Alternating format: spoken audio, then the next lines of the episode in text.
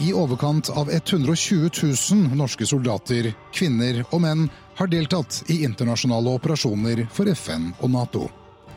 Norske soldater har utvist stort mot og profesjonalitet i krevende situasjoner. De har tjenestegjort på land, til sjøs og i luften. Noen kom ikke hjem.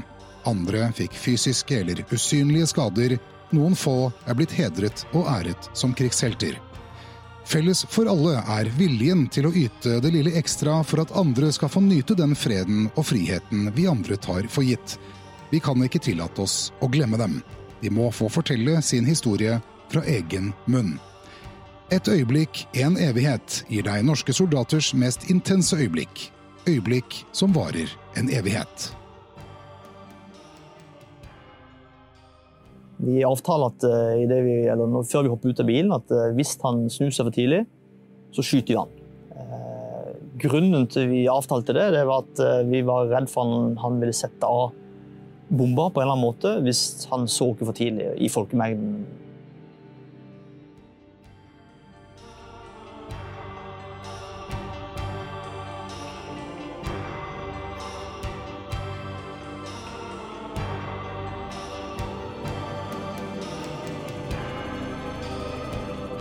Jeg glemmer ikke den kvelden. Eh, jeg var hjemme alene og drev støvsugde og holdt på med noen klær på vaskerommet.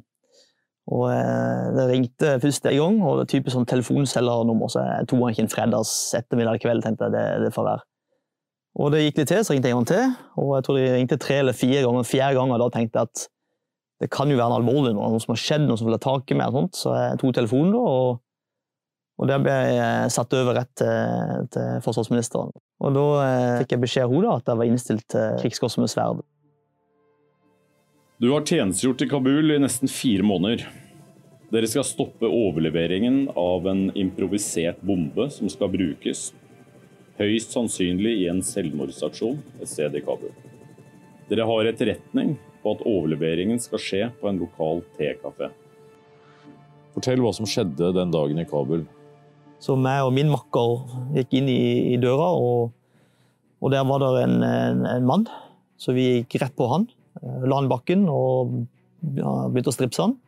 Mens han andre begynte å klarere rommet. Det var små rom der, det var ikke en stor bygning.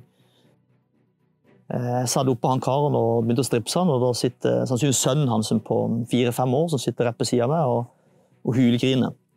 Og, og klart, Der og da, da jeg var 25 år, så tenkte jeg ikke sånn mye over det. Det var selvfølgelig det, det, det en traumatisk opplevelse for, for, det barnet. da. Men i ettertid så jeg har jeg tenkt veldig mye på at jeg har fått barn sjøl. Altså, hva det lille barnet måtte gjennomgå for å se faren sin som ble pågrepet og stripsa og håndtert.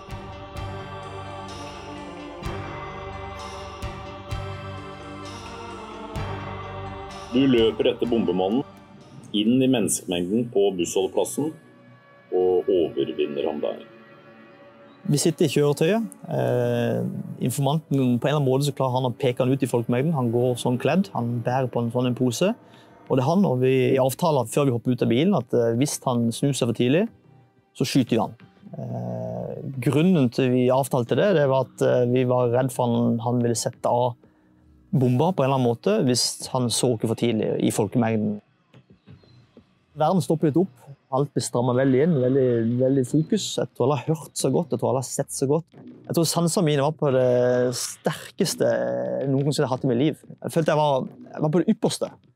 Jeg tror jeg kunne løfte en bil og kaste den veggimellom. Altså, du, du, er så, du, er så, spent i alle celler og muskulatur i kroppen.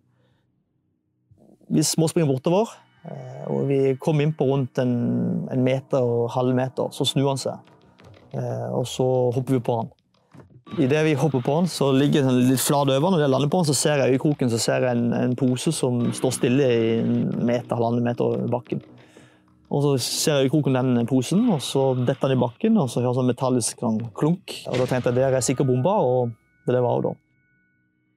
Og da var det sånn, Alt stopper opp, men så stopper det ikke opp likevel, for det, ok, det er greit. Og så var det fortsette. Han afghaneren her, han, han er krakilsk. Han vil selvfølgelig ikke bli arrestert av ISAF og han gjør motstand. Så vi må prøve å skadeliggjøre ham på en eller annen måte. og Da oppstår det et ganske heftig basketak. Det blir ganske ja, brutalt. Eh, og prøve å få ham bevisstløs, da. Så vi kan vinne litt tid.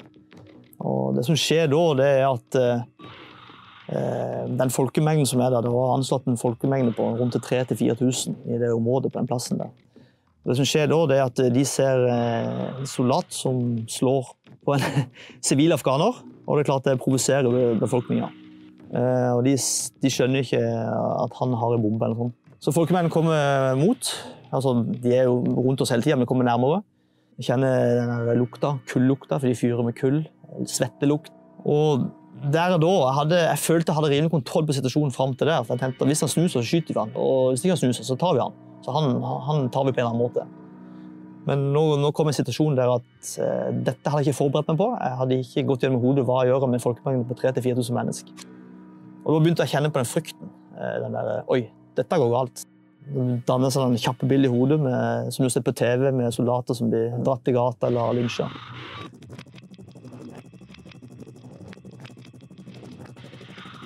Det som skjer da, er at uh, vi hadde støtta et eh, nederlandsk Apache-helikopter den dagen. der. Eh, de hadde fulgt etter vårt kjøretøy hele veien. Og de, de hadde vært høyt oppe på himmelen og hadde oversikt. Jeg hører en enorm lyd. Da det begynner å komme en vind og støv som sirkler opp. Da skjønte folkemennene her er det flere. Eh, helikopter hadde de respekt for, eh, russerne de var inne, så var helikopteret et frykta våpen. Så det senka seg langt ned for å vinne litt eh, pusterom for oss. Og vi fikk bitte grann pusterom, på kanskje en meter eller. Og så, så kom det inn kjøretøy og parkerte ved siden av oss.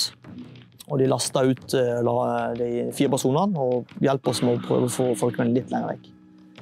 Eh, og da kom det en sånn enorm overveldende eh, følelse at dette går bra likevel. Eh, jeg har, nå har jeg noen kolleger rundt meg. Vi står skulder til skulder her. Nå er, vi, nå er vi flere. Dette kan vi kanskje håndtere.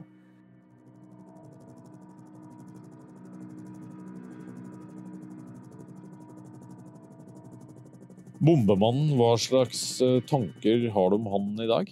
i deres syn så er vi noen som kommer inn i landet, de sitter og tar seg til rette og invaderer. Og klart at, så jeg forstår han på en måte, den motstanden og den, det hatet mot oss. forstår han på en eller annen måte. Jeg, gjør det. jeg respekterer han på den måten. Jeg gjør det, altså.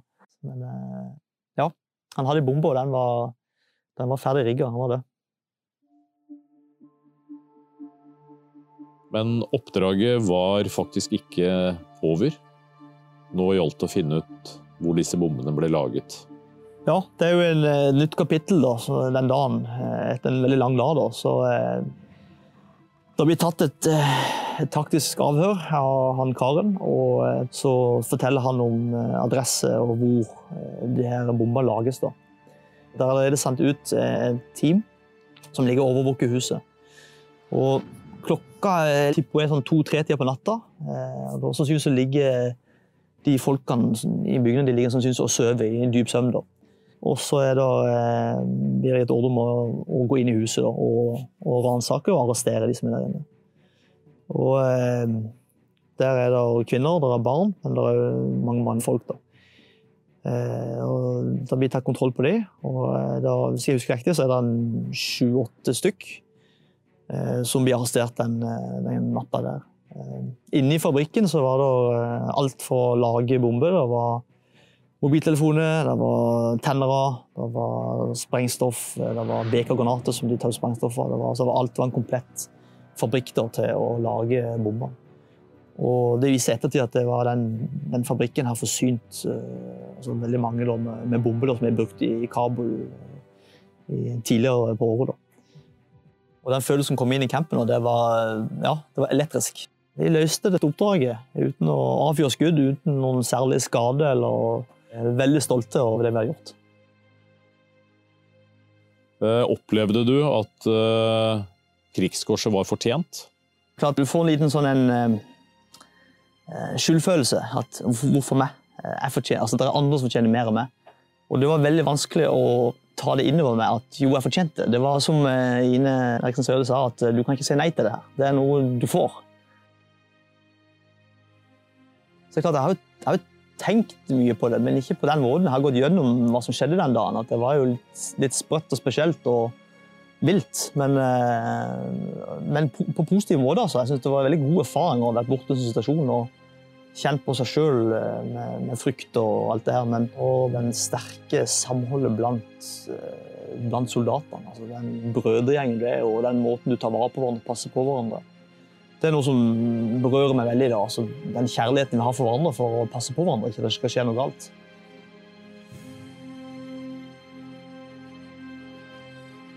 Er en ydmyk. Har du respekt for andre, og hvis du alle gir opp Det tror jeg er oppskrifta på å klare seg bra. det tror jeg. Dette er en av mange unike historier om selvoppofrelse og mot fra våre soldater. Her lar vi soldatene selv fortelle om de intense øyeblikkene, akkurat slik de opplevde det. Historier som rett og slett er blitt et øyeblikk, en evighet.